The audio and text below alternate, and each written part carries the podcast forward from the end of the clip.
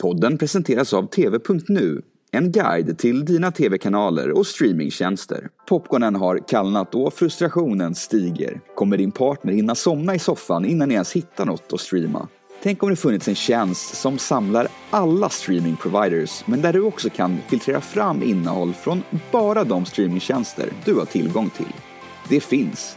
TV.nu guidar inte bara till TV-tablån utan till all streaming och sorterar det effektivt på år, genre och IMDB-betyg. TV.nu bjuder också på heta topplistor och spännande samlingar med innehåll du inte visste att du ville se. Testa TV.nu idag.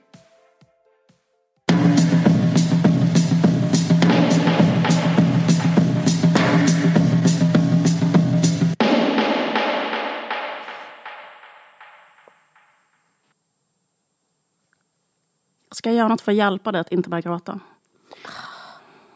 Jag, jag, jag börjar gråta bara för att jag tänker att jag inte Ja. ska göra det. Eller Ja. för att, liksom, för att jag tänker på att jag ska prata om vad jag ska prata om. Ja. Jag tänkte typ, jag sa precis till dig att jag inte vill börja gråta. För det är liksom inte meningen att jag... Jag vill liksom inte prata om det här för, någon, för att jag vill... eh, vad ska man säga? Jag har inte heller ett eget behov att så här, vara ledsen i vår podd eller något sånt där. Men jag tänkte bara liksom, tyckte det känns så konstigt att eh, prata typ om de senaste två veckorna utan att sen nämna typ så här vad jag har eller så här, allting jag har gjort har präglats om vad jag har varit med om. Så att eh, och så fort jag tänker på vad jag har varit med om så, så börjar jag gråta. Men jag ska försöka prata om det ändå. Eh, för det var, inte, det var inte tänkt som någon... Det var inte tänkt att jag skulle börja gråta. Nej. Men, eh, men allting har med varandra att göra. Det som jag tänkte prata, eftersom vi är en kulturspanarpodd så tänkte jag prata om, eh, eller populärkultur. Jag ska inte flatter myself. Eh, Så tänkte jag prata om vad som jag har gjort nu. För jag har varit i sorg typ i tre veckor. Och det jag har gjort under den tiden, egentligen mest två veckor, är att jag har sett jag tror det är sju säsonger varje avsnitt av Sex and the City och jag, jag gör det fortfarande. Eh, jag började på säsong fyra för jag är så rädd. Jag har bara minnen av hur det var och jag var så rädd för att träffa att den där, jag ville undvika eh, den där konstnären som heter Alexander Petrovski. jag visste inte vilken säsong han kom i. Tyvärr kom han i sista säsongen men för det, för det är feel bad för mig. För jag tycker han är så hemsk. Så jag vill bara se det som handlar typ om amerikaner i New York. Jag tycker också det är så fruktansvärt tråkigt. Han ser ut som en blandning mellan en, en, en gammal tant och en ledsen uggla hade fått ett barn. Så hade det varit Alexander Petrovski. Så det var, han var så felkastad. Som Ja, så här, den stora, spännande mannen. ja, han Som ser han ju, var så- ja, men också som Harry Potter ser han ut. Alltså det känns osexuellt eh, och deprimerande. Otroligt o- asexuellt och deprimerande. Så att, eh, men då gjorde jag Hur kom det sig att du började titta på Sex and Jo, City? jo, förlåt. Det var för att eh, jag började titta för att jag ville fly verkligheten. Och eh, jag ville liksom befinna mig någon annanstans. Eh, och det var för att jag, eh, jag eh, genomgick eh, liksom, alltså att förlora mitt barn eller mitt foster. Och jag var tvungen att liksom vara med om en så traumatisk upplevelse och jag visste att det skulle hända. Eh, och eh, jag orkade inte vara i det och jag orkar fortfarande inte vara i det. Och jag har innan varit med om en traumatisk upplevelse att jag, min bror dog när jag var 17 och då innan han dog så, så var vi vänner. Och jag lyssnade rätt mycket på, jag höll på mycket med typ poeter och alltså mycket med poesi och mycket med typ lyssna på vit musik, inte vit maktmusik men typ så här grunge-musik och typ eh, emo-musik. Alltså man kan säga att jag var typ en dark academia-tjej eller så här, en emo-tjej eller grunge-tjej, något sånt där. Indie. Men sen när han dog så var jag tvungen att sluta med det för att, eh, och då började jag lyssna på hiphop och R&B för jag, jag kunde liksom inte vara nära en enda känsla som romantiserade mörker. Eh, och minns jag, och det var liksom på liksom liv och död. Alltså det var som att jag kunde inte vara nära någon kultur som romantiserar döden. För att döden redan fanns i mitt liv. Och jag visste, det här för mig, botten i den här sorgen som jag är med om nu, den är, det är så min brors dödsfall. Och eh, jag, jag mindes, jag minns liksom sådana känslor. Och jag minns vem jag var då, jag var 17 då, men jag liksom har samma rädslor. Men hur som helst så var jag tvungen att se på Sex and the City. Jag började se det kvällen innan jag skulle genomgå den här, man genomgår, om man ja, har ett dött barn i magen så måste man genomgå en förlossning. Så jag började se det kvällen innan och ehm, eh, sen har jag sett det sen dess.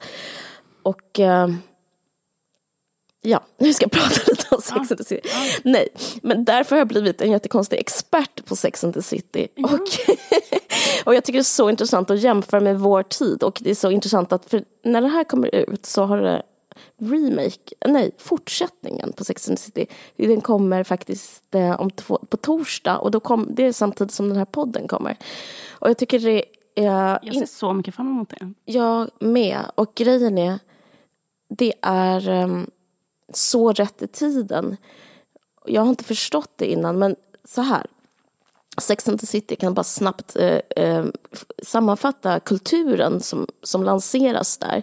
Alltså, det tydligaste man kan säga är att det är motsatsen till hur det är idag. Eh, om man tänker hur en influencer och vad som är rikedom och status för en influencer så är det motsatsen till Carrie och hennes vänner. Uh, jag kommer inte dra vad det handlar om, ni antingen vet ni eller inte. Och till exempel så, jag tänker på hur tjejer och kvinnor når popularitet och liksom, ja men, att vara älskvärda idag, liksom, att bli omfamnade. Det är med mycket mer så traditionella kvinnosysslor, till exempel laga mat är någonting som eh, ja, men som så här, väldigt populära kvinnor gör, som Sofia Wood som är en stor influencer och eh, Elsa Billgren som är en stor influencer. Medan Carrie säger i något avsnitt I use my uh, oven for storage. Alltså jag har min spis att liksom ha typ skor i. Hon har aldrig lagat mat, hon har, aldrig, hon har inte ens en kaffekokare. Och uh, de bara take out greasy Chinese. Alltså, eller så är de ute på stan hela, hela tiden. Och uh, det framstår så väldigt attraktivt. Nej, men alltså, jag tycker det är intressant att det inte är ett ideal att vara en så här att det är inget ideal att vara en hemmafru, utan det är ideal att bara typ vara med sina kompisar och dricka jättemycket. Det är inte ett, ens ett ideal med self-care, vilket är väldigt speciellt att gå tillbaka till. Att det är liksom inte ett ideal att uh, träna, det är typ töntigt. Om man är cool är det träna och töntigt. Det går nästan inte att föreställa sig nu. Och att röka är liksom inte... Svincoolt. Det är svincoolt och det är bara liksom ja, den som är som protagonisten, den man håller på, är ju Carrie av de här fyra. Och hon eh, röker och dricker jättemycket.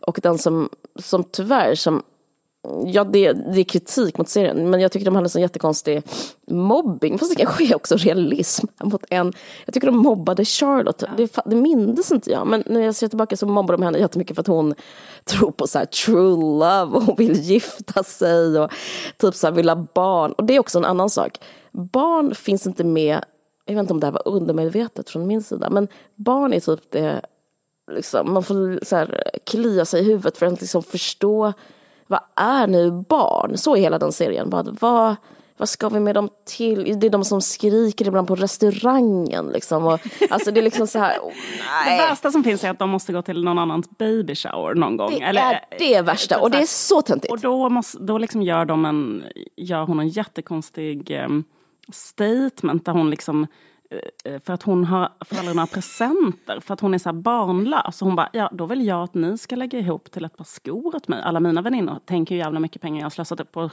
köpa presenter till era jävla unga. Typ sån stämning. Så är det. Så hon är liksom en och hon stolt fort... eh, liksom, ja. aktivist för den barnfria kvinnans liv på något sätt. Ja, precis. Eh, och det hade i alla fall jag liksom... Men helt utan sorg eller underton? Alltså. Eh, eh, precis, helt utan också vad ska man säga, att egentligen vill hon ha barn. Ja, Förstår du vad jag menar? Nej, det, det, är inte så, det är inte så fast, fast vi vet alla att det är så det kommer sluta. Utan tvärtom så slutar det aldrig så. Och om man blir gravid så är det typ en tragedi. Eh, men jag bara tycker det är intressant med eh, att se det från, liksom, vad ska man säga, de kulturella idealen. För jag, för jag kommer att tänka på en it-girl jag känner, som jag eh, chattade med. Jag? ja, ja, det är du. Det är du. När du och jag chattade, eh, när du skulle göra slut med din kille i våras. Eh, du var 26 då. Och eh, var så här, och så sa jag så här, men varför, för hon sa att jag älskar honom så mycket. Jag bara, jaha, men typ varför ska du göra slut? Hon kanske var 25.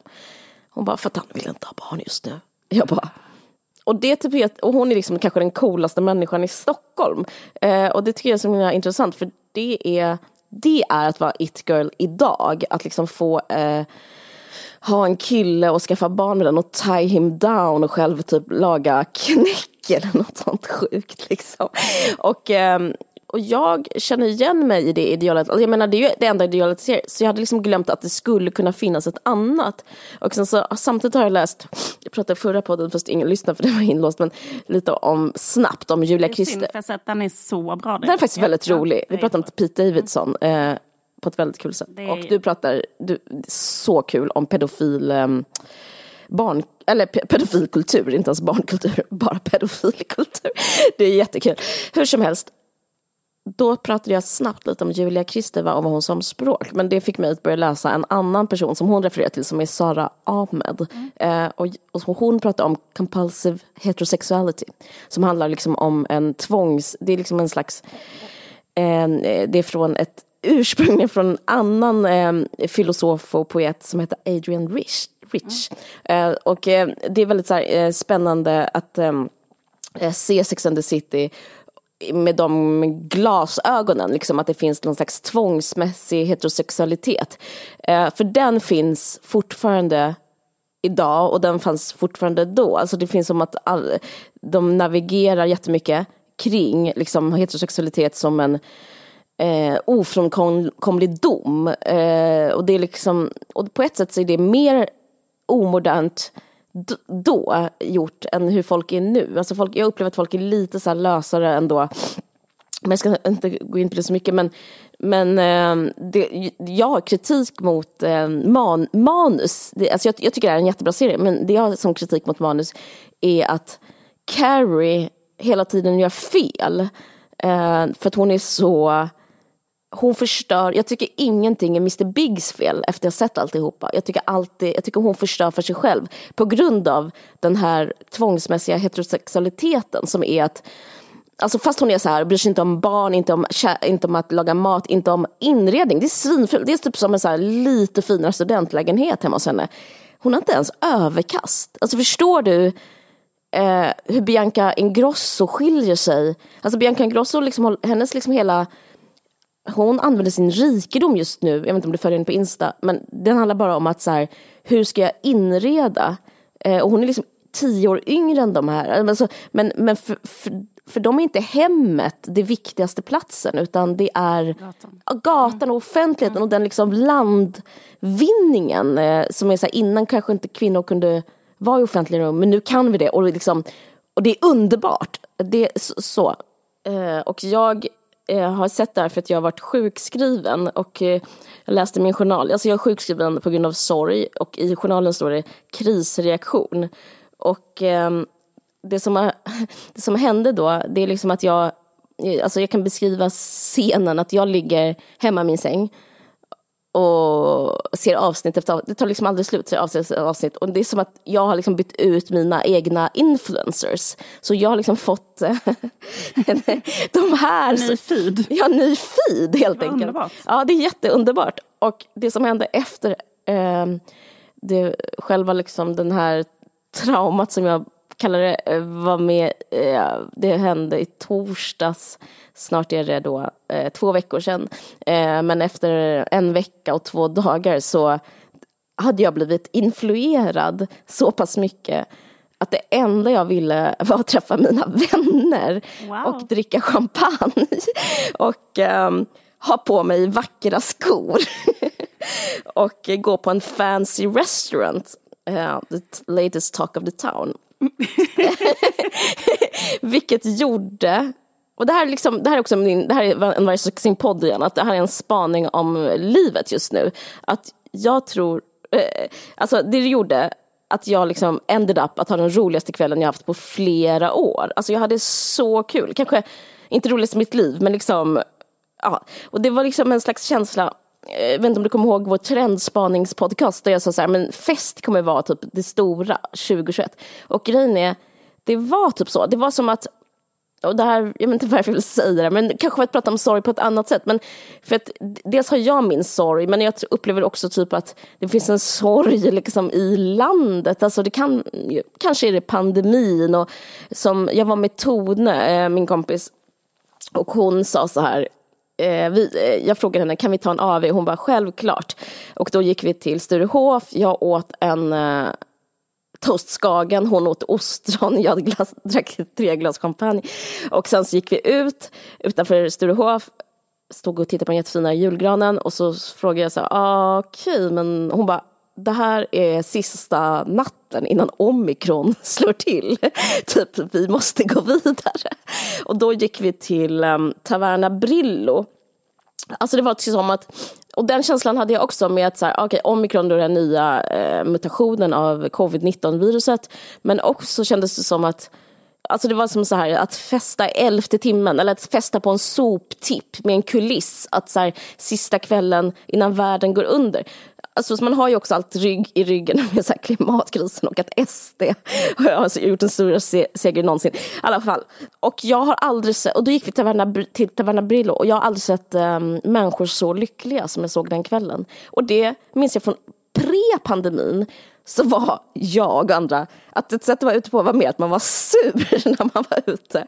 Att man var så kanske negativ, man kanske undvek någon som man kände igen. Men här var det typ som att alla så här navigerade mot eh, samma plats. Alla satt där på Brillo i växthusbaren. Det hade varit eh, Stockholms litteraturfestival och det gjorde att bara där jag satt så satt eh, typ Stockholms intressantaste människor. Och eh, jag pratade med Tove Folkesson som hade skrivit en fantastisk text i DN som jag sen hade citerat i en text jag på Aftonbladet. För det hör till att jag inte sovit någonting på två veckor så en natt skrev jag liksom typ en debattartikel. Det tycker jag säger något hur, om, det, om att skriva debattartikel. För jag kände så, för jag fick jättemycket ångest av det efteråt. Det var vidrigt att skriva typ en jag tror liksom en människa som befinner sig i djup, djup sorg, det förstås så här, man tar till pennan. Alltså jag typ ångrar det jättemycket, haft jättemycket ångest och börjat äta benzo på grund av den artikeln. Skitsamma, då satt hon där. Och för hon pratade om, vad vi pratade också i förra podden om, om det här med förlossning. Hon kritiserade den texten av Greta Thurfjell med en liksom mycket bättre argument än vad jag gjorde. För hon sa så här, men att samla material är att vara författare, typ. Och att om det materialet är till exempel förlossning så är det inte för som terapi man gör det utan det är som, alltså det är typ så här, men det vulgära ordet är väl content liksom och sen så gör man om det till konst. Det är liksom författarens eller konstnärens eh, uppdrag. Ja, så pratade vi om det och bredvid henne satt så här, vad heter han, Patrik Lundgren tror jag han heter, Lundberg. Eh, förlåt att jag säger fel, men som också har jätte, gjort typ så här, förändrat hela synen på adoption. Och, alltså han är liksom helt fantastisk också. Och sen så pratade jag, så var Amanda Romare där, så pratade med henne och liksom, det var också helt fantastiskt, pratade med henne. Essie Klingberg var där, det var helt fantastiskt, prata med henne. Eh, Bodil, en annan tjej som är helt underbar, pratade med henne.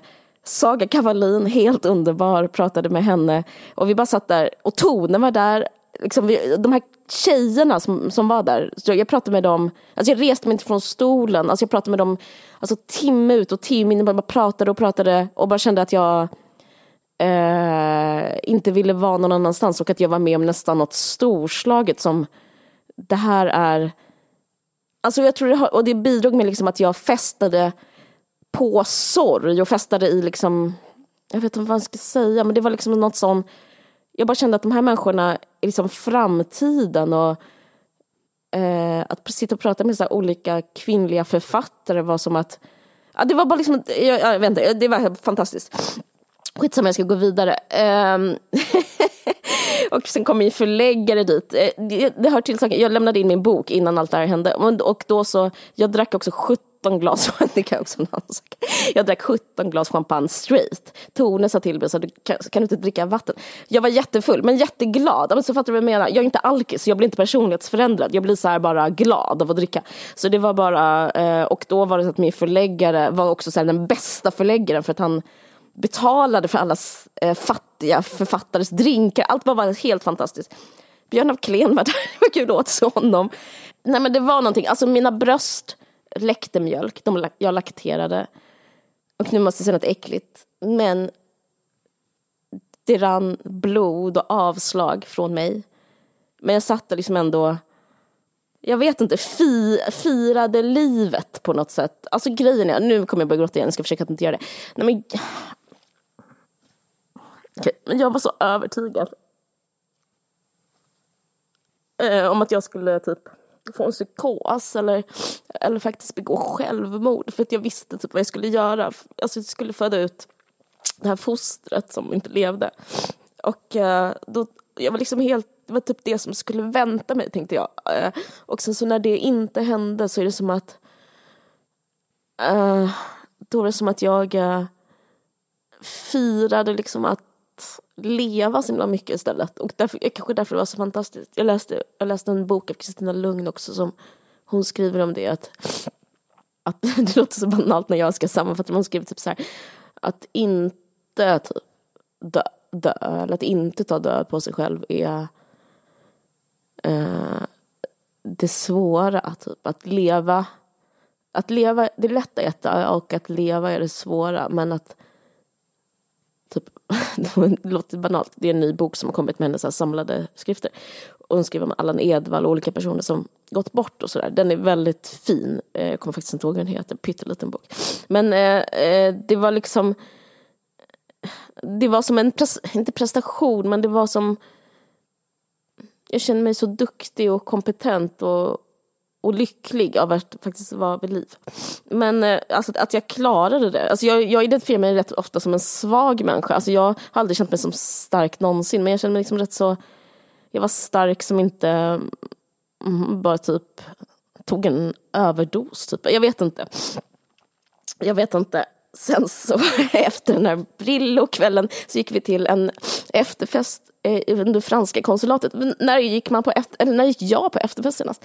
Och, då, och det var också en också en typisk fest som det fest, kändes som festa förr i tiden. Det var en medeltidsfest eh, där folk var utklädda till eh, medeltiden. De, vad kallas, du som är bra på historia, vad kallas sådana hettor? Jag vet inte, man har något på huvudet som är typ sån, rätt så stor och bred som ser ut som en stor limpa typ.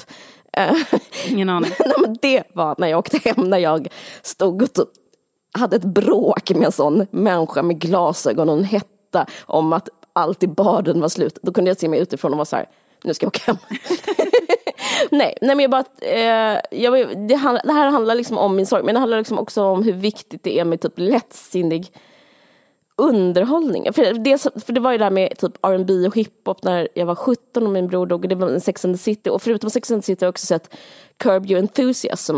Och det är som att de två serierna, alltså jag vet inte, men det, jag vill bara, berätta, jag bara informera om det. Typ att skämt kan typ vara hela skillnaden. Eller liksom fest kan vara hela skillnaden. Alltså det är så här Eh, på liv och död på något sätt. Eh, I min eh, nya erfarenhet, eller min re-upptäckta erfarenhet. Ja.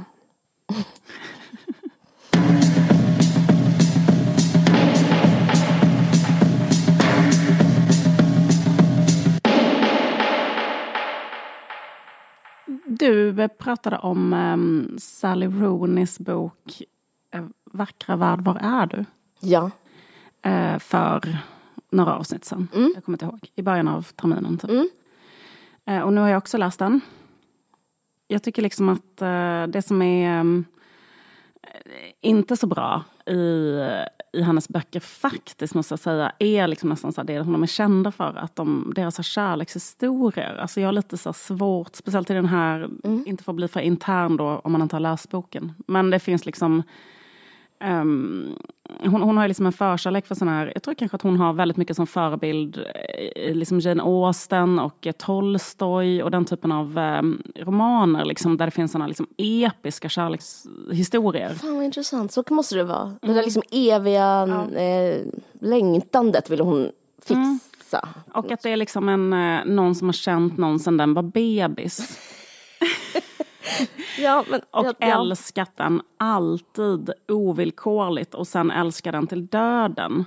Det. Eh, det. är liksom nästan den enda slags uh, kärlekshistorien som hon beskriver. Och den känns så jävla svår att uh, ro i land på ett trovärdigt sätt. Liksom, om man inte är liksom Tolstoj. Alltså... Jag håller med. Jag tror inte jag på den. Inte. Nej, Nej. Eh, den, den jag, jag, jag, tycker den är bättre. Det är ju två parallella kärlekshistorier då, kan man mm. säga, i den här. För det handlar om två kvinnor, en som heter Alice och en som heter Eileen. Mm. Men hon som heter Eileen, då är det liksom en kärlekshistoria som ska vara så här att hon då har växt upp med en kille som är kanske sex år äldre än henne som har tagit hand om henne när hon var bebis. Eller man har gått runt med henne och pussat henne på pannan när hon var bebis och älskat henne alltid sedan hon var bebis och sen har de varit vänner och sen så blir de ihop med andra men de ligger med varandra ibland men ingen vågar säga. Men egentligen har båda den här känslan för varandra. Jag vill dö för dig. Jag vill um, vara med dig for life. Mm. Uh, jag vill... Och så blir det så här... Uh, för det första så är det inte så spännande för det är från första början är det så här. Dels har de redan jättebra sex. Och ändå, man förstår inte ens vad problemet är Nej. med dem. Förstår du vad jag menar? Man säger, men varför blir det inte bara, alltså vad är... Men det, jag tror att hon, jag tycker igen man förstår lite, alltså att hon, man, man vågar inte visa sig sårbar i en relation, typ, upplever jag. Att ingen vågar säga hur de egentligen känner. Tror jag att hon vill mm, gestalta. Mm, mm. Och det, det, det, kunde jag, I could feel it, typ pyttelite i alla fall ja. att det var så. Men, men, men eh, det är ologiskt eftersom båda vill samma sak. Alltså liksom att, uh, att det är så här enda problemet man har. Båda är så här, jag har känt varandra och älskat dig sedan du var bebis. Jag vill, bara jag vill dö dig. för dig. Vi hade världens bästa sadomasochistiska sex igår. Där vi passar varandra som handen i handsken. För en är då conveniently dominant och en är conveniently subordinant.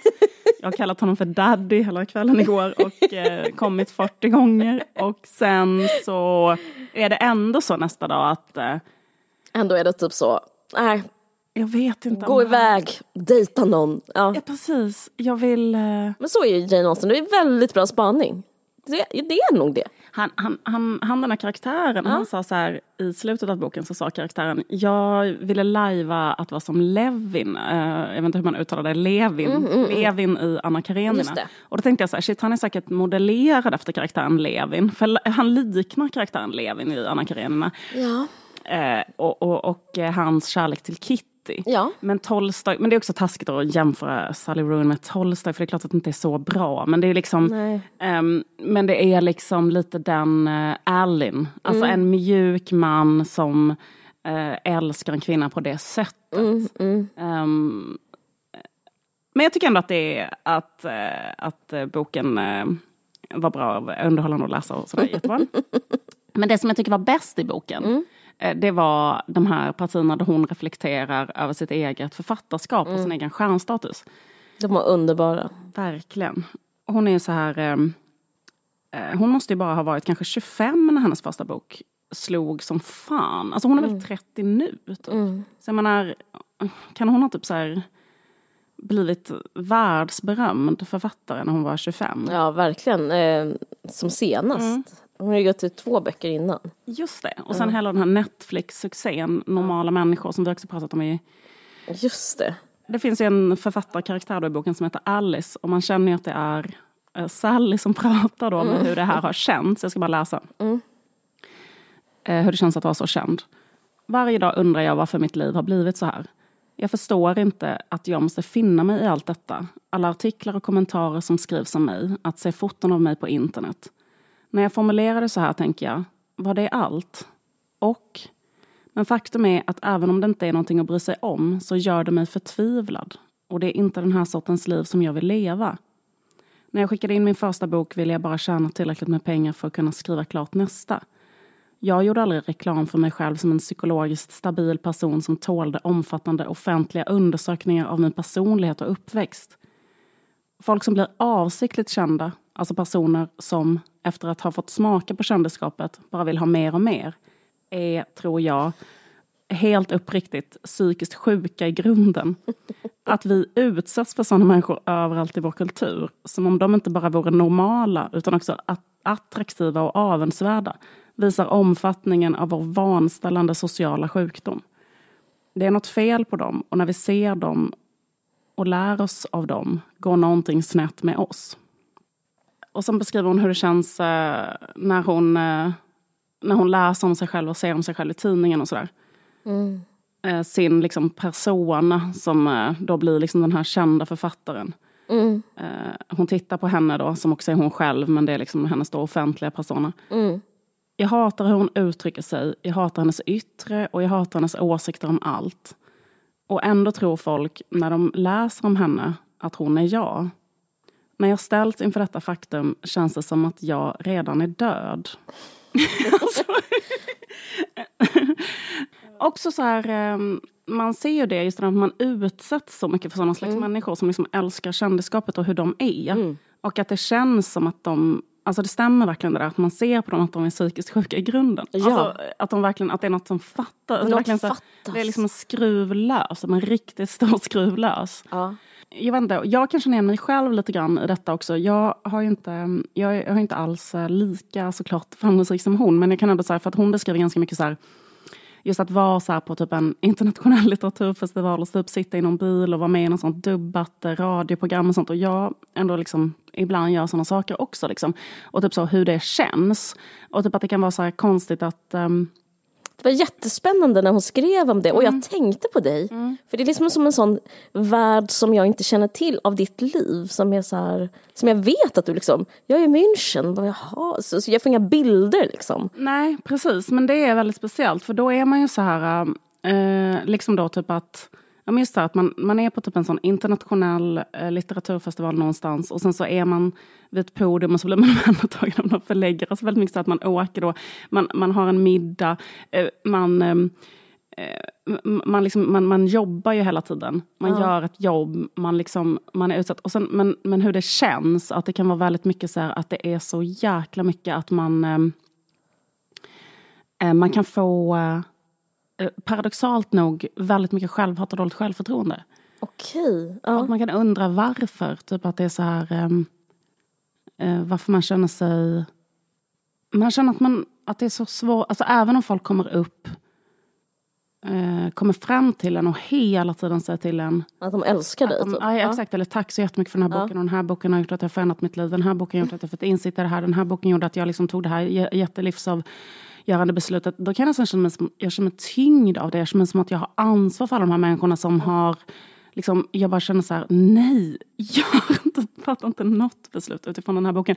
Alltså, vad har jag ställt till med? Uh. Alltså, del kan man få en sån uh. känsla. Um, många av de här böckerna skrev jag för så länge sedan så jag kommer inte ens ihåg vad som står i dem. och, och sen att folk tror, alltså det kan vara en helt fullpackad sal och jag kan känna mig rädd också för att folk ska vara arga för någonting ja. som jag har sagt eller gjort.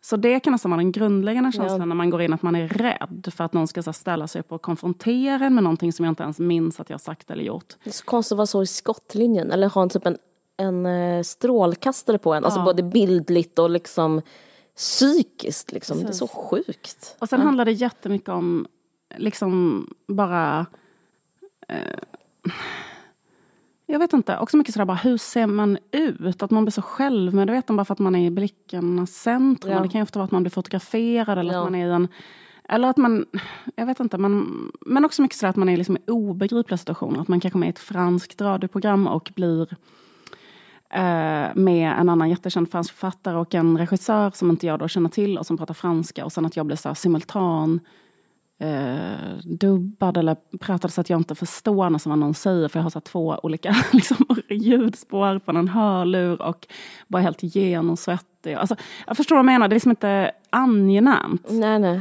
Eh, så, så, så, för mig var det eh, en intressant spegling då. Ja.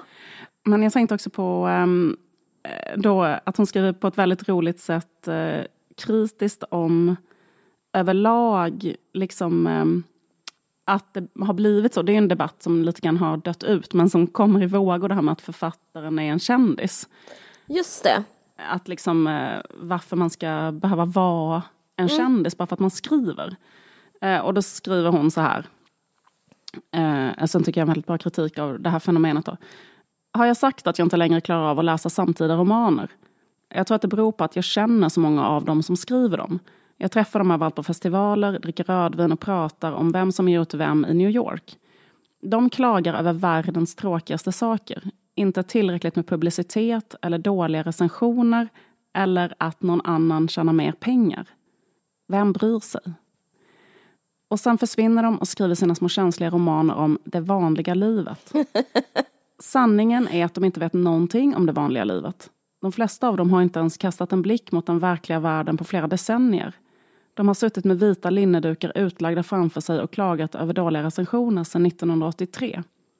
Jag bryr mig bara inte om vad de tänker om vanligt folk. Enligt mig är det en falsk position de talar ifrån när de pratar om det. Varför skriver de inte om den sortens liv de själva lever och sådana saker som de faktiskt är besatta av? Varför låtsas de vara besatta av död och sorg och fascism när, de verk, när det de verkligen är besatta av är deras, om deras nya bok kommer recenseras i New York Times eller inte? Om de började skriva ärligt om sina egna liv så skulle ingen läsa romaner, och det med rätta. Kanske skulle vi då slutligen tvingas konfronteras med hur fel, filosofiskt sett fullkomligt fel, det nuvarande systemet för litteraturproduktion är. Hur det för, för författare bort från ett normalt liv, stänger till dörren bakom dem och hela tiden talar om för dem hur speciella de är och hur viktiga deras åsikter är. Och de kommer hem från en helg i Berlin, det här är jag då, efter fyra tidningsintervjuer, tre fotosessioner, två utsålda evenemang, tre långa lugna middagar där alla klagade över dåliga recensioner. Och så öppnar de sin gamla Macbook för att skriva en liten roman med fina iakttagelser över det vanliga livet. Det här är inget jag säger lättvindigt. Det får mig att vilja spy. alltså, det är så bra. Alltså, för, för där Eh, liksom för, det, för det känner jag igen mig också, att jag kan nästan känna mig, alltså det där är en sån grej man kan känna sig sjuk av att få så mycket komplimanger. Typ så, ja. att, så här, för att jag vet att det inte är sant. Eller till exempel att du säger så intressanta saker om allting. Du sätter fingret på hur allting är och så här. Och så är så här, Fast så fort, jag menar alltså på riktigt, så fort jag pratar med en annan människa så säger den minst lika intressanta saker, alltså mer intressanta saker, har mer intressanta iakttagelser än jag. Så att då blir det så bisarrt att man sitter och säger, alla säger så här, du säger det här. Och så, alltså att jag ska ha då en sån, mm. alltså när man är på typ en sån, en sån ska göra just dig, din identitet. Att, att jag blir ja. en annan som ska ha då mm. dina åsikter om allting mm. är så himla intressant. Och också att eh, Nej men det är de inte alls. Alltså, jag är en fullständig idiot som har jättemycket brister. Alltså, och det är det jag menar med att ha dåligt självförtroende. Att då blir man ännu mer sådär bara, men så ibland jag kan känna mig som att, jag, att man kan få sämre självförtroende ju mer så här upphöjd man blir på ett paradoxalt sätt. Mm. Um, att jag kanske inte hade bättre självförtroende innan jag var känd. Förstår du vad jag menar? Jag förstår verkligen vad du menar. Alltså, jag är inte alls lika eh, känd som du men jag vet jag har varit med i den här situationen fast en, liksom, i en tiondel. Mm. Jag håller verkligen med. Jag tycker, liksom, jag tycker om det föder någonting så är det så paranoia. Gud ja! jag är så konstigt paranoid och, eh, och typ skakig bara av det. Man blir ju inte alls, alls glad, man blir bara typ rädd. Och så tänkte jag att det var så kul det där att hon sa, och då tänkte jag verkligen så, fan jag längtar, alltså för att just det där att, eh, för, för det känner jag också igen, ja. jag har aldrig haft ett vanligt jobb. Nej. Jag har aldrig eh, behövt förhålla mig till en tid, så här, gå upp dit, vara där hela dagen, du får inte sluta förrän klockan fem. Um, jag, liksom, hur ska jag kunna så här, kommentera eh, samhället egentligen ja. på något intressant sätt när jag delar erfarenhet med en procent? Ja.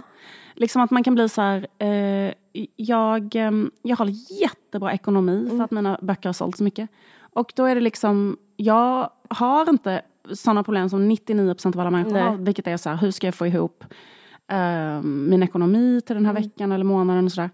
Och då liksom, så att man förflyttas på grund av sin egen framgång då mm. till, en, till en position där man inte längre kan nästan utföra sitt arbete. Ja, exakt. Det, det är verkligen det största problemet. Mm. Det är därför mycket är så ointressant. Och det känner man själv också. Mm. Jag, jag, tycker det är svårt, svårt mm. att säga något om något. Det, det känns så, som poddar har det problemet också. Liksom att poddar som är framgångsrika, att de människorna tjänar så mycket pengar så de befinner sig i ett one percenter-läge. Där de inte, för poddar är ju till för att, alltså, en, en, en intressant podd handlar ju om saker som jag menar, man kan bli glad ibland när man lyssnar på en nystartad podd tycker mm. jag. Eh, innan de blir kända. För innan de blir, innan de blir så rika så kan de prata om just sådana saker. Jag har ingen bostad till exempel. Mm, Eller, det handlade ju en Vice podd om ganska mycket i början. ja. Att du inte hade en bostad. Exakt. jag, jag, var redan då uh, privilegierad. Nej, men liksom att, ja. och, och, eller, eller då att man, man kan prata om lite allmänmänskliga grejer men det här liksom whinandet över egna privilegier vilket jag förstår att det är, är liksom motbjudande. Men det, men det är också en sak som föder någon form av liksom att man känner sig lite, alltså att man känner sig mer som ett, um, eh, ett lite, ensamt eh, exotiskt djur som någon har eh, satt in i en bur och hängt mm. upp i taket och hela tiden proppar i mat. Alltså, mm. och, och, och, utifrån den mm. positionen mm. tittar man på samhället men det är liksom inte riktigt... Eh, liksom, ja. ja men, men, men eh, ja, jag vet, alltså, fan jag vill säga emot det men jag kanske inte ska det. Jag tycker liksom om man inte liksom blir identitetspolitisk med vem du är, det är ju dem man vill åt. Det andra är på ett sätt vulgärt, att vara en procentare och allt det där. Men liksom, eh, det är inte det som ska vara författarskapet. Nej. Alltså att det liksom finns någon slags underbar ställe när man, börjar, när man skiljer på det. Men jag, idag tycker jag vi lever i en sån identitetsdyrkande och sån här storytelling. Man vill typ veta mer om det där, ditt, ditt biografiska liv och och det är ju den personen du är på alla de här tillställningarna tänker jag. Alltså du ska sitta där och vara dig själv mm. liksom med dem. Och jag tror det mm. kan bli weird mm. liksom. Verkligen. Alltså för att då är det mycket så här, eh, hur lever du själv? Ja. Alltså det blir mycket de frågorna. Men absolut, jag jag vet att det inte bara är så här, men jag menar också att det finns en form av det som kallas för så här situerad kunskap. Inte för att vara identitetspolitisk, men så här, när du är i en situation ja. så finns det till exempel så här, svarta kvinnor vet något om att vara svart kvinna som inte jag vet. Alltså förstår du vad oh ja, så oh liksom, ja, och det är liksom, viktig exakt, exakt. Och, och, då, och där eh, mm. skärs det av mer och mer bitar ju mer känd du blir. Ja. Eller ju mer liksom framgångsrik du blir och ju rikare du blir. Därför att du eh, blir mer och mer olik. Eller du kan inte liksom få kännedom riktigt om, eh, liksom, eh, om, om det här. Då, för att man liksom eh, puttas, puttas mer och mer upp i ett liksom, eh, eh, elfenbenstorn. Exakt, precis. Men, men eh, med det sagt, så här, eh, jag menar, eh, det, det, det, det är liksom en liten del som kan kännas så. Men jag bara tyckte att det var så intressant. Det kanske inte är intressant för någon annan att läsa om det, men det var så intressant för mig. en one percent uttalat till en annan. Jo, jag tror det är intressant. För grejen är det hon gör på ett metaplan mm. är ju bryter den för hon ska ju också prata, vi har ju suttit här och raljerat när hon ska, när hon ska skildra arbetarklassen. Mm. Alltså hon pratar ju om sig själv, varför ska hon skildra arbetarklassen? Det måste väl ingå ett självförakt i när hon pratar om lagerarbetare och sånt mm. där. Eftersom hon har inte varit ner liksom ett lager på jättelänge. Så då pratar hon väl om sig själv. Men det är ju det här när hon pratar om liksom det hon vet något om, alltså det är som det blir intressant. Alltså hon, hon, hon gestaltar ju eh, sin egen kritik. På ett, ja, verkligen. För att, sen så sa all konst kan inte handla om det som hon sa. Då är det möjligt att ingen skulle läsa. Men man blir ju ändå så lite sugen. Tänk på en sån ja, person som Jonas, de fel. Jonas Gardell är ju en sån person till exempel. Som är så här, han, han, är liksom, han var ju känd innan eh, alla människor blev kändisar så att säga. Ja, alltså, ja. För han är så urkänd. Ja, han är urkänd. Han, han liksom, då när det bara fanns tio kändisar i Sverige, då var han en av dem. Eh, liksom. Och eh, han har ju varit känd så himla länge. Och mm. just, jag tror att han eh, har jättemycket den erfarenheten av att det här att ha, han blev ju uppputtad i det här elfenbenstornet och liksom någon har låst och slängt nyckeln redan 1989 typ, oh ja. om honom. Men grejen är att han, um, han skriver ju en bok nu, eller har skrivit en bok nu som handlar om så här, hur um, det var för de första homosexuella på liksom 70-talet och när de mm. gjorde sina... Eh, liksom, att han, han håller på mycket så att skriva dem, den stora historien om om liksom gayvärlden och då går han tillbaka historiskt och liksom letar upp, han skriver den här torka, tår utan han ska och sådär, och liksom mm. ha det som sitt så projekt. Mm. Men, men, men, men, men sen så hörde jag honom prata in, eller han, han var med i någon, någon tidningsintervju där han pratade om att han eh, komiker tycker inte om mig, de bjuder inte mig på sina fester, jag har inga vänner. Eh, liksom. Och jag bara, då blir man bara så sugen på så här, gud varför kan du inte bara skriva en kort bok som bara handlar om det. Underbart. Liksom, som bara handlar om att han för man blir så ensam också. Mm. Liksom.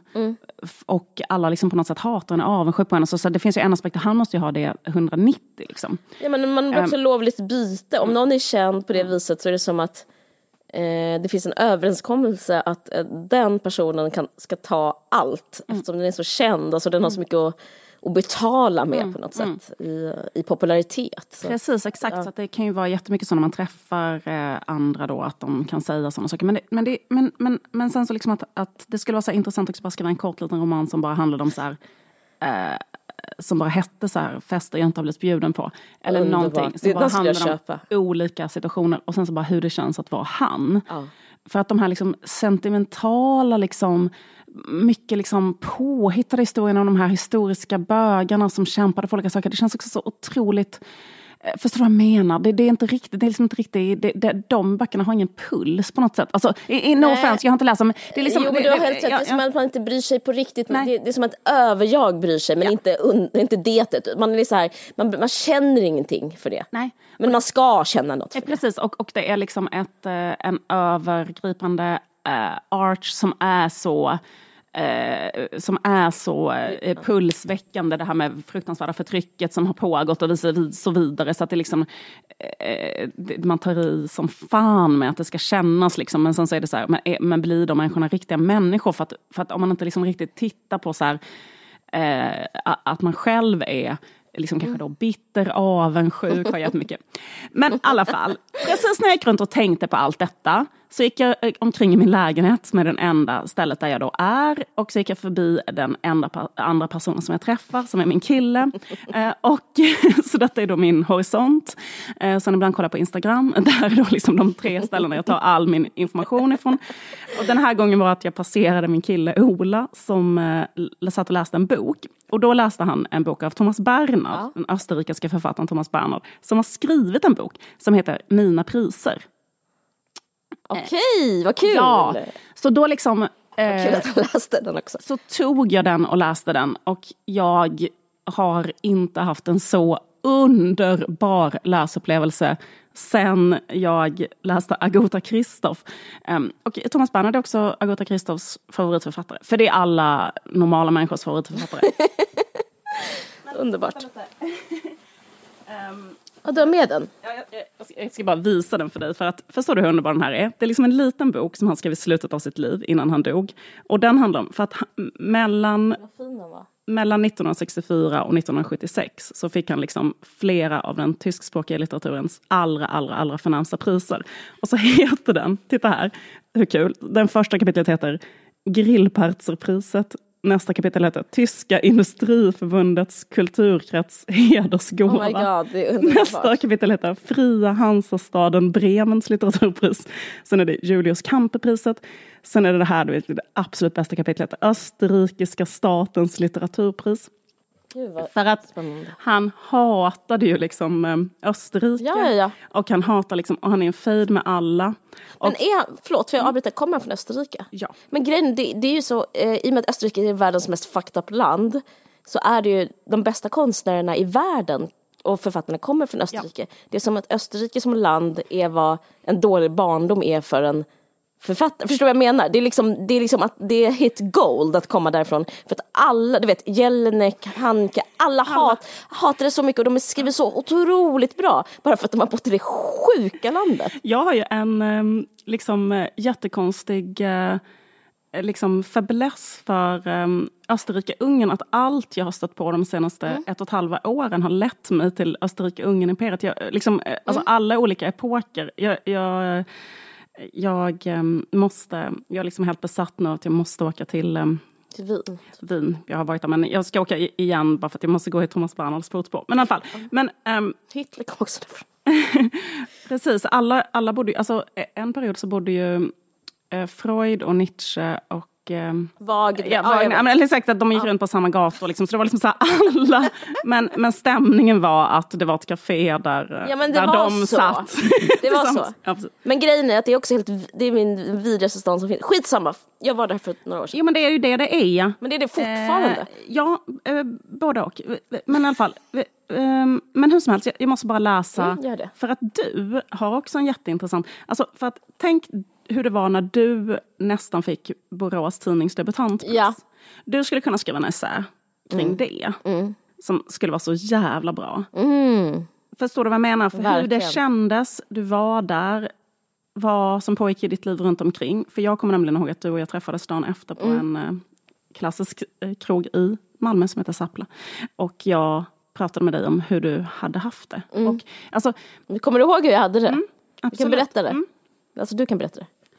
Nej, men det, som hände, det som hände med sådana litteraturpris är att eh, där var det då att de nominerade folk och de berättade inte vem som skulle få det. Nej. Så du var tvungen att åka dit, Sitta på där. en scen, klä upp mig. Och sen så var det inte jag som fick det. Utan det fick Johan Natt och Dag, han är Aldi. en typ jätte, jätterik reklam. Och du var ju då den som var mest behov av de pengarna. Det, det, Jag var ja, yngst och jag hade inga pengar och ingen bostad. Eh, men, men det var ändå kul. Sen åkte vi till kulturchefen och, men sen så skrek jag till och Dag att han skulle betala taxin. För att han hade i alla fall 100 000 som han fått av det. Men vet du vad som har hänt? Nej. De har ändrat det prisets eh, tågordning så att man behöver inte sitta där. För det var på riktigt som att man, alla hade varsin strålkastare på sig och de andra, förutom den som vann, ehm, släcktes. Men de har ändrat det nu så att man får reda på det innan, har jag hört. För det var, det var så inhumant. Man är så jävla bräcklig också. Men, men det är också så himla sjukt att göra det mot debutanter. För jag tänker liksom att där är det så här människor som dels då inte har, för där är ju verkligen inte de här då framgångsrika personerna som går och åker runt och hovar in priser. Um, först ska jag bara läsa upp, det här kan alla känna igen som, alltså men det här känner du igen dig i. Det här bara handlar om att vara med. Han, han får då eh, Julius Kampe-priset och han har åkt till Hamburg och då innan dess så ehm, då är han på ganska gott humör och han är så glad att han har fått det här priset och då blir han intervjuad av en tidning. Ehm, jag bara säga om Thomas Bernhard att han föddes 1931 i, i Holland faktiskt. Men han levde i Österrike och sen dog han 89. Och han är en sån där liksom... Eh, He's för de som inte känner till honom så är han en av dem som liksom, man undrade så här, varför fick han aldrig Nobelpriset? Liksom en av verkligen, eh, verkligen tyskspråkig, alltså av tyskspråkiga författare, verkligen typ en av de absolut bästa då. Eh, men han var hela sitt liv en otroligt udda figur som också hatade Österrike och var i fejd med Österrike hela tiden. Och efter han dog så förbjöd han att Österrike någonsin mer skulle få spela några av hans pjäser eller trycka några av hans böcker. Så mycket hatade han Österrike. Jag älskar honom för det. I alla fall, han, eh, han, eh, han sitter och pratar med, med eh, den här journalisten då på sitt hotellrum i Hamburg. Uh, och, och, och, då, och då börjar han må dåligt över att han tycker att han ramblar för mycket till journalisten. Och då säger han så här, jag tänkte att nu märker folk att du kommer från Österrike, bortom all ära och redlighet. det var så kul. Men skitsamma. Nästa dag såg jag min bild i tidningen. Och istället för som förväntat bli glad skämdes jag nu över det struntprat jag bjudit folket från tidningen på. Och min bild avskydde jag. Om jag verkligen ser ut som på det fotot, tänkte jag, vore det bättre att för alltid dra sig tillbaka till en mörk bergshåla och aldrig mer beträda världen utanför. Gud vad relate. Så jävla relate. Där satt jag nu och bredde tjockt med apelsinmarmelad på frukostbrödet och kände mig djupt sårad. Jag vågade inte ens dra upp gard- rullgardinen och sen tillbringade jag flera timmar sittande i fåtöljen som drabbad av en odefinierbar förlamning i hela kroppen. Aldrig tidigare hade jag mått så dåligt. Vad underbart. Alltså, förstår du? Så här kul är den boken. Ja, jag måste läsa. Ja, alltså, du måste läsa den för du kommer att avgöra den här boken. Sen det allra roligaste, det är därför jag måste läsa en liten bit till. Det är för att han får eh, då Österrikes, han hatar då Österrike över allt annat. Och sen så får han, så har Österrikes stat två stycken litteraturpris. Ett är ett stort litteraturpris som de ger till en författare som som inte behöver liksom själv ansöka utan de bara liksom delar ut det en gång om året för, något, för livsverk, liksom, för till riktigt, riktigt stora kända författare. Sen har de ett annat litteraturpris som är så här, det lilla litteraturpriset som de ger typ till debutanter och det är då typ en ganska liten summa och det måste man ansöka om själv. Och när han är liksom 40 Alltså han är redan för gammal för att få det här lilla och han har redan gett ut då helt otroligt hyllade böcker som mm. är liksom, du vet Nobelprisklass och hit och dit. Då helt plötsligt får han ett brev från Österrikes stat där det står så här, du ska få det lilla priset. Nej vad konstigt. Och då är det att han har så mycket skuld och har så dålig ekonomi så att hans bror har varit så här, i desperation. Han har typ en så här duktig halvbror som mm. försöker hjälpa honom och han bara, men alltså jag lämnar bara in hans bok här för då kan han i alla fall få 25 000 och typ lösa sina värsta skulder. Typ någon mm. sån, sån, där liksom, lite så välvillig. Men då blir det så jävla förnedrande för honom. Samtidigt så måste han ha pengar. Så att mm. han är så här, men vad fan då bara går jag dit och tar emot de här jävla pengarna. men, men då, eh, och, och, så, och så resonerar han så här. Tar jag inte pengarna själv och använder dem för resor, sa jag, så kommer de att tillfredsställa en nolla som bara skapar olycka med sina alster och förpestar luften. allt eftersom dagen för prisutdelningen närmade sig hade jag allt fler, nästan outhärdliga sömnlösa nätter. Det som möjligtvis av några dumhuvuden egentligen var tänkt som en ära upplevde jag, ju mer jag funderade på det, som förnedring. Halshuggning vore ett för starkt ord. Men förnedring upplever jag även idag som den mest lyckade beteckningen. Lyssna nu på den sista meningen de många 20-åriga och 22-åriga och 25-åriga moderiktigt klädda radiopjässkrivare som jag mötte på gatan var alla stadspristagare. Alltså för det är bara unga människor som får det här. Moderiktigt klädda radiopjäsförfattare.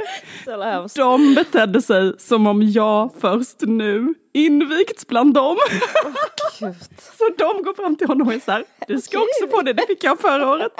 Och han är då 40 och är typ så här, världens bästa författare. Och så är det typ att Österrikes stat, alltså det är så kul. Liksom, och hela den här berättelsen om hur han um, för det som mm. hände sen är att han har ett skandalöst tacktal och det gör att uh, utrikes, alltså ministern, kulturministern uh, störtar ut och det här blir en schism med honom och Österrikes stat som aldrig slutar för att han säger något Fick han pengarna då? Han, han fick pengarna ja. men han blir sen då liksom personen non grata efter detta för att han börjar wow. sitt tal med att säga, det här är också den mest roliga, förlåt jag ska bara säga vad han säger först. Ja, gör det. Han vet inte alls vad han ska säga, för han vill inte säga han kan inte säga någonting positivt eller någonting för att han, han mår så dåligt över att han måste gå dit och hålla ett tacktal. Så han säger så här. Ärade herr minister, ärade åhörare. Det finns inget att berömma, inget att fördöma, inget att anklaga. Men det finns mycket som väcker löje. När man tänker på döden blir allt löjeväckande. Sant. Och då liksom bara, jag tänker inte berömma någonting, jag tänker inte fördöma någonting.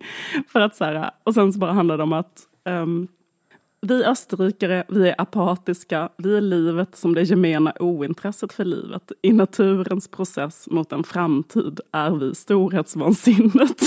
Han har helt rätt. ja, men han har helt rätt. Så att liksom han, och då blir han ju då. Ja, men men, men vad, vad det komma till var att de här små essäerna är vad Sally Rooney liksom efterlyser, fast bättre än någonting annat. Liksom. Men gör hon det? Vill hon inte heller liksom att man inte...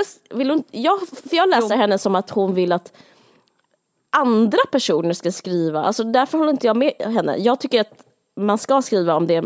Alltså jag tycker att Thomas Bernhard får skriva det här. Men jag upplever att hon upplever ett självhat som är att hon inte får skriva om eh, the working class nästan. Eller liksom den, den vanliga människan, utan det borde den vanliga människan göra. Men det har du rätt i, för att hon, hon, hon, ja. hon föreställer ju sig att när hon efterlyser det här att de ska ja. skriva om sina egna, då skriver hon så här, när de börjar skriva om sina egna problem på det här sättet som Thomas Bernhard gör här, att bli jätte, jätteförnedrad av att få fel litteraturpris, för det ja. här är någonting som man kan, eh, men, men eh, hon är ju så här, eh, hon, hon, tror ju så här, då, då, då, då är det över för litteratur. Då är det över för litteratur, men det är det inte. Det Nej, precis, och det är fel slutledning. Det är fel slutledning. Men um, det, det enda man kan, alltså för att jag menar samtidigt så här, litteratur kan ju inte bara handla om, eh, om det här. Nej, nej, nej. Men grejen är att en bra författare författare kan skriva om allting såklart. Alltså jag menar oavsett, ja. jag menar som han skriver, han gör det här till den, typ den roligaste, bästa boken jag läst. Liksom ja. på åratal såklart. Alltså det, det är helt otroligt bra. Men jag tycker liksom hennes kritik, och jag upplever också att hon lägger den i munnen på en romankaraktär mm. för att hon mm. liksom vill lyfta det här perspektivet. Mm. Men det är inte att hon skriver liksom en liten programförklaring Nej. avsänd av henne själv. Nej. Men liksom, jag tycker när hon låter sin eh, sin karaktär mm. som är författare säga de här sakerna så tycker jag ändå att den kritiken är, är valid. Verkligen. Att man gör författaren till någon form av kändis, säger till den att den har intressanta åsikter om allt, stänger in den i ett konstigt elfenbenstorn. Mm. Och sen också jag tycker så det var väldigt träffande där hon säger liksom att hon är på så här middagar med andra författare. För så är det tycker jag också väldigt ofta när man träffar andra. Att det enda folk pratar om såklart är det här då. Jag fick inte tillräckligt bra recensioner. Jag har mm. inte fått tillräckligt mycket pengar. Jag har inte fått tillräckligt mycket uppmärksamhet. Men sen är det så komiskt då, därför att hon säger så här, vem fan bryr sig? Mm, alla som är, det beror på att hon det får. På, exakt, det beror på att hon får så bra recensioner och har så mycket pengar. Hon lär ju vara, alltså, för det, det, är också ganska intressant i den här boken att det handlar om en person som är så fucking rik. Det tycker jag var underbart. Det var jättebra. Ja. Det var modigt ja. att hon liksom skrev om det, så här, hur det är att vara så.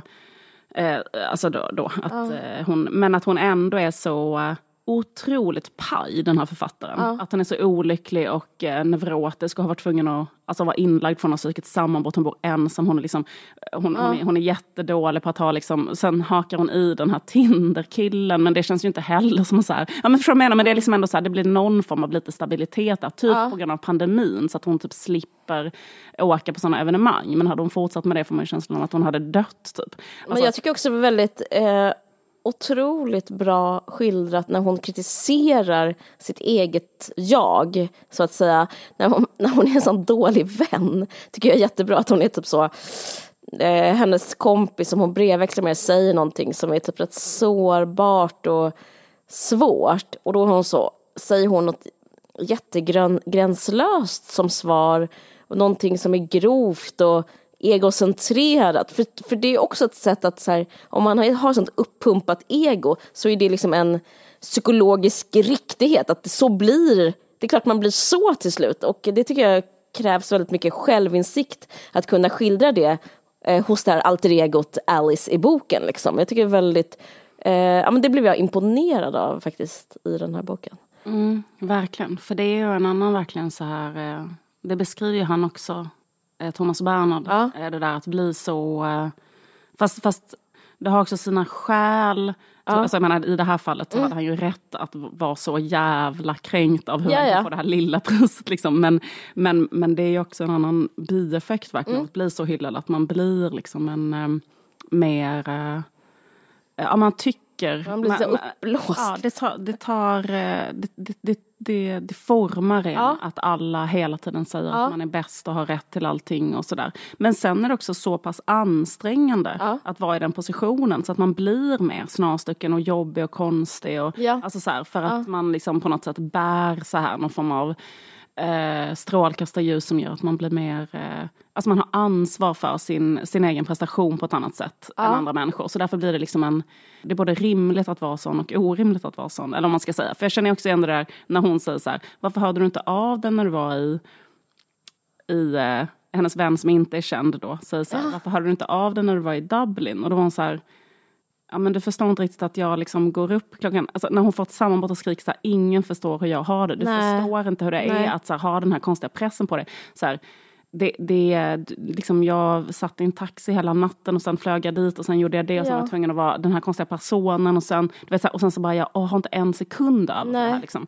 Eh, men att det också blir en så här vidrig personlighet men det, det bara är något man också är ensam om. Ja. Som ingen annan kan förstå. Ja, fan vad intressant. Så intressant. Men jag tycker liksom att um, hon själv borde inte följa sina men det var ju som i den här, eh, sina råd, för det var som den där normala människor, så fort det började handla om så här, the working class och typ så här, då, då tyckte jag hon, du hade jätteroligt att prata om det i en varje sexing att liksom, då tappade hon liksom eh, kontakt lite. Liksom. Då, då blev det liksom mer eh, breda penseldrag ja, ja. och ytligare ja. och liksom fånigare. Men det är liksom när hon pratar om det andra som det är typ intressant på riktigt.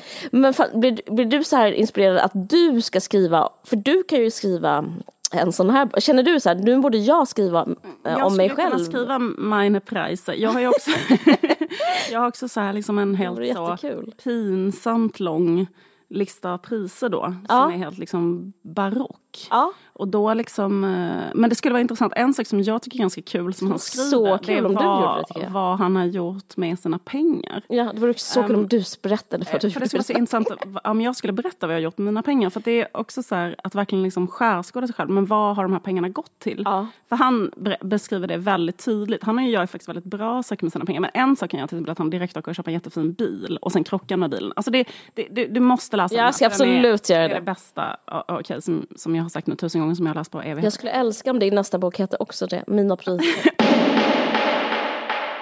Men jag tycker en sak är intressant, att jag hade liksom en om, omvänd upplevelse. Jag, jag upplevde att jag älskade att träffa författare ju. Alltså min kväll berodde, var ju och motsatt den till Sally Rooney's kväll. Att jag upplevde liksom att det var de, att jag upplevde liksom sitta med ett slags intellektuell intellektuella kvinnor i framkant, att jag satt med framtiden och kände hopp om livet och om konsten och litteraturen. Ehm, Men tror du inte det handlar om bara att du har en familj och barn och liksom du gör det liksom med, med mer lagom mellanrum? ja, Så här, och hade du gjort det varje dag, som hon antagligen har gjort då, att hon har varit i Dublin på olika litteraturfestivaler varje dag, hon var, och sen hon var liksom också så typ eh, 19 Ja. och hon har inget annat.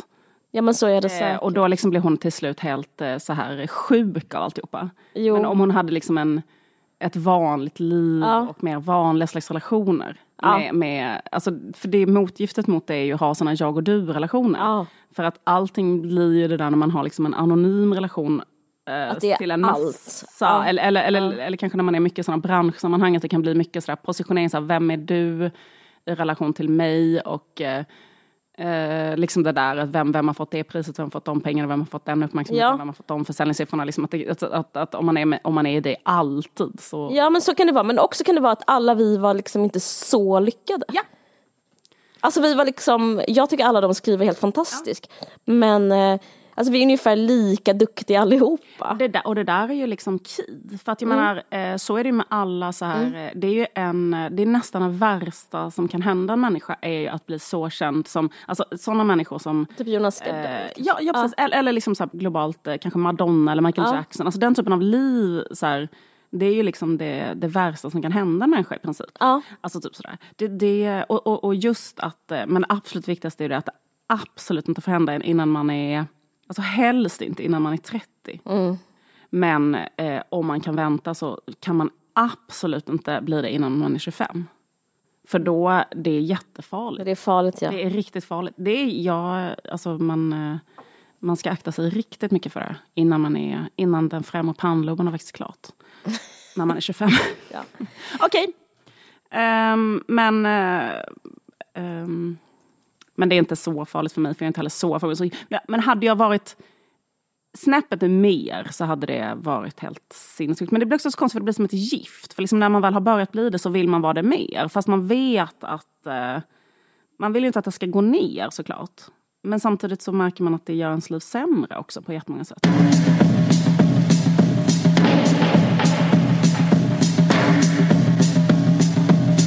Vi har eh, startat ett eh, samarbete med fackförbundet ST. Och eh, fackförbundet ST är det största fackförbundet inom statlig verksamhet med över 97 000 medlemmar som in, arbetar inom liksom alla statliga myndighe- myndigheter som verk, bolag med statligt uppdrag, universitet, högskolor och statligt finansierade stiftelser. Det är liksom Sveriges enda fackförbund som uteslutande organiserar statligt anställda och därför har de en unik kunskap om hur det är att arbeta på statligt uppdrag. Eh, och eh, det är klart att det är bättre eh, att alla anställda är medlemmar i samma fackförbund istället för att dela upp sig i olika liksom, yrkesförbund. Det här är för alla som jobbar inom staten. Eh, och om man är medlem i fackförbundet ST så får man massa förmåner, till exempel förhandlingshjälp. Eh, om man skulle ha haft Eh, oturen att bli diskriminerad, uppsagd eller inte få ut sin lön så kan man känna sig väldigt utsatt om man är ensam. Men då kan fackförbundet ST hjälpa till. Sen kan man få facklig rådgivning, man till exempel behöver diskutera lön och villkor. man får en inkomstförsäkring och eh, sen så har de eh, i fackförbundet ST karriärcoacher som kan agera bollplank och hjälpa till med kanske CV och göra så att man lyfter sig själv på bästa sätt i förhållande till sitt arbete. Och som ny medlem i fackförbundet ST så ansluts man automatiskt till bland annat livsförsäkring, olycksfallsförsäkring och sjukförsäkring. Och um, som ny medlem så ingår de här försäkringarna utan extra kostnad i tre månader. Och sen så får man bestämma själv om man vill fortsätta eller få eh, avsluta eller liksom fortsätta med ett eh, förmånligt medlemspris. Och just nu så är de tre första, må första månaderna att vara med i fackförbundet ST gratis. Ja, gå med i fackförbundet ST nu. Passa på nu när det finns den här eh, grejen att man kan gå med gratis i tre månader. Mm. De här dagarna kommer fackförbundet ST att släppa en rapport där de tittar närmare på öppenheten i den statliga förvaltningen. Um, och uh, det, det de uh, visar, det är ju jätteintressant det här, att det har blivit mycket mer så att myndigheter ska likna ett företag uh, där det ska vara jättemycket så konkurrens och kostnadseffektivitet som ses som eftersträvansvärt men att det blir liksom på bekostnad av så demokratiska processvärden som öppenhet, rättssäkerhet och ansvar. Eh, som är jätteviktiga för att upprätthålla det demokratiska systemet. Eh, och det har också gjort att det har blivit svårare för anställda som är kritiska att framföra kritik. För de kan liksom utsättas för marginalisering eller bli anklagade för att vara illojala och ha samarbetssvårigheter. Så resultatet av, av, av fackförbundet STs eh, undersökning är att det finns liksom brister i öppenhet inom staten. Och ehm, det finns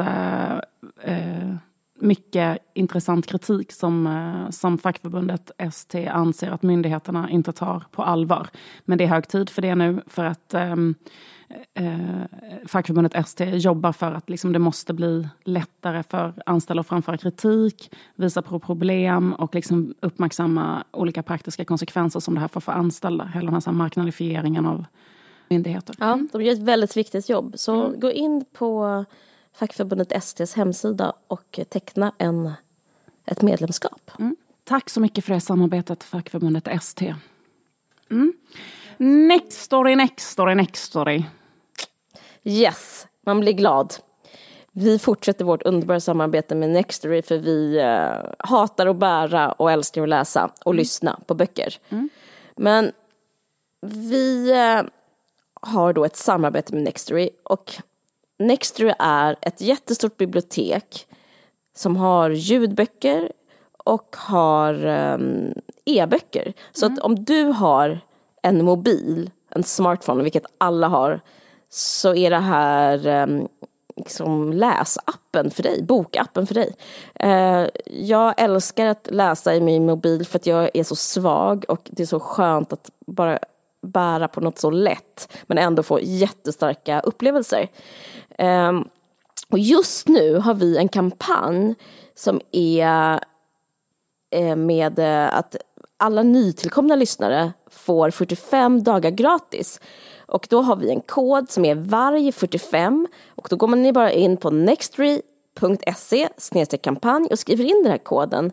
Och eh, så får ni eh, ta del av alltså, nästan ett oändligt bibliotek. Har du några böcker, Liv, som du tänker att våra lyssnare skulle kunna gilla? Ja, till exempel så finns ju alla Sally Rooneys böcker där om man är intresserad. Den senaste, Vackra värld, var är du? kan man lyssna på. Ja. Eh, Normala människor som är den här eh, otroligt eh, hyllade som sen blev en eh, tv-serie. TV ja. Eller varför inte eh, nörda in sig totalt och läsa liksom hennes allra första bok, Samtal med vänner. Ja. Eh, så har man Verkligen. eh, täckt in hela hennes eh, författarskap. Koden är alltså varg45, då får man Nextory gratis 45 dagar. Och eh, tack så jättemycket för att ni samarbetar med vår podd. Tack för att ni gör den här podden möjlig. Tack för att ni gör podden möjlig. Hej. Vi har också ett samarbete nu med serietidningen, Sveriges uh, bästa enda alternativserietidning Galago och uh, den anrika klassiska anarkistiska tidningen Brand. Trevligt. Sveriges äldsta anarkistiska tidning Brand och Sveriges äldsta serietidning Galago slår ihop sina påsar faktiskt inför det stundande valåret 2022. Eh, så just nu och hela vägen fram till den 26 12 får du en helårsprenumeration på båda de tidningarna för bara 600 kronor. Så då blir det liksom att man får hem fyra nummer av Brand och hela sex nummer av Galago. Det, det är för billigt. Det är otroligt. 600 kronor kostar det som engångskostnad. Och eh, ni hör ju, det är jul. Det här är en julklapp. Absolut. Det, just det, det är en jättebra julklapp till ja. någon. Uh, och sen är det också så att Galago har ju under um, de senaste typ 20-30 åren varit liksom den platsen, uh, den enda platsen nästan där man kan liksom läsa nya intressanta serieskapare. Mm. Och få liksom en slags överblick över vilka, uh, vilka serier som finns både, både internationellt och och i Sverige, att de också översätter väldigt eh, bra internationella serier. Och det mm. har ju mm. varit liksom, typ den, den enda tidningen som sysslar med det. Mm. Så är man minsta lilla intresserad av liksom, att få koll på tecknade serier, eh, få inblick i olika serieskapare som man sen kan gå vidare och börja läsa, så är mm. det här verkligen eh, någonting att göra. Ja, och om man inte ens bryr sig om serier så finns det andra incitament. Till exempel så kan man eh, Alltså Galago har häcklat borgerligheten sedan 70-talet och Brandt har hållit den anarkistiska idé, eh, vid liv i hundra år. Så om man vill ha liksom eh, inspiration med konst, humor och Eh, mycket mer så är det här två otroligt snygga magasin som man kan få det utifrån. Mm. Eh, gå in på galago.se brand och signa upp dig. Eh, det finns också liksom ett jättefint gåvobevis som man kan skriva ut och lägga i ett kuvert som man kan då ge till någon som en jättefin julklapp. Eh, den här kampanjen fortsätter hela vägen till annandagen. Så att om det är så att man vaknar upp i panik på julaftonsmorgonen och har glömt att köpa julklapp till någon, då, då kan man göra det här. Mm. Fortsätta. Galago.se snedstreck brand alltså. Printa ut ett gåvobevis. Det tar fem minuter och det blir ett helt års nöje. Eh, och prenumer prenumerationen börjar då med nummer ett eh, 2022 som kommer ut i början av mars.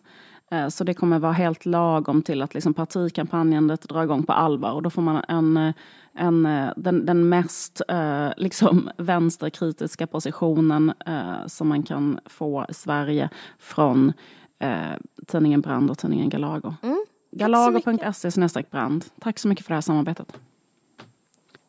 Just nu har vi ett samarbete också med Bonniers konsthall. Ja, eh, Bonniers konsthall är en plats för samtidskonst i centrala Stockholm som ligger på Torsgatan 19.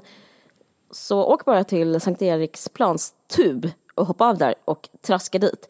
Just nu visar de det internationella filmprogrammet Artists Film International och det är ett nätverk av konstinstitutioner från hela världen som startades 2008 av Whitechapel Gallery i London där jag har varit faktiskt och haft fantastiska konstupplevelser. Och eh, det ska bli jättekul att se. Varje medverkande institution väljer utifrån ett gemensamt tema, ett verk och en konstnär eh, som befann sig i relativt tidigt skede av sitt konstnärskap. Årets tema är care, mm. alltså att bry sig om. Mm. Ja, eh, och den här svenska konstnären som heter Victoria Verso Ehm, hon kommer medverka med sitt verk Approaching a Ghost. Ehm, 18 filmer ehm, som presenteras som en rumslig installation. Men Victoria Versors konstnärskap är inriktat på undersökande av kropp, identitet och sociala strukturer. I hennes verk finns berörings punkter till filosofi och andlighet. Det känns väldigt modernt. Hon gjorde det här 2021, eh, Approaching August. Verket har ofta avstamp i personliga erfarenheter av att vara trans och ny kvinna. Det känns väldigt modernt. Utifrån sin egen berättelse undersöker hon större existentiella frågor. Vilka vi är, vilka vill vi vara och meningen med livet. Det är gratis att gå in på fredagar har jag förstått. Ja. Mm. Um, När är det öppet? De har öppet onsdag till söndag och varje fredag är det fri entré. Så att det är demokratiskt på det viset. Så här, om man är arbetslös är det bara att gå dit en fredag. Och eh, vi rekommenderar alla att göra det. Bonniers konsthall ligger i framkant i Stockholm och i Sverige med att representera den modernaste konsten. Så ja, tack så mycket Bonniers konsthall. Tack. Det var det. Har vi något, kommer vi ha ett till avsnitt innan jul? Ja, för det är bara den 7 december. Så vi har kanske... Ett till kanske? Ja, ett till. Exakt. Som är, det blir då den kommer komma ut den sista veckan där innan den... Ja. Precis, då, då kommer den typ på julafton. Vårt nästa avsnitt. Tusen tack för att ni lyssnar. Ja, och eh, vi har glömt säga det men vi sitter faktiskt i samma studio. Kanske, kanske blir lite extra pirrigt att tänka på det nu i efterhand. Här på aftonhoran. ja, och njuter. Precis. Men eh, tack för att ni lyssnade och eh, tack Liv för eh, det du sa om Thomas Bernhard. Jag ska rusa och köpa den boken. Tack för vad du sa och tack eh, Aftonbladet för att ni också gör den här podden möjlig. Vi vill också påminna om att eh, gå in på Aftonbladet plus och lyssna på de andra avsnitten. Det, det må vara krångligt men det är värt det. Tack så mycket. Vi hörs om två veckor. Puss och kram. Puss och kram. Hej. Hallå? Hej, vi är klara. Tack.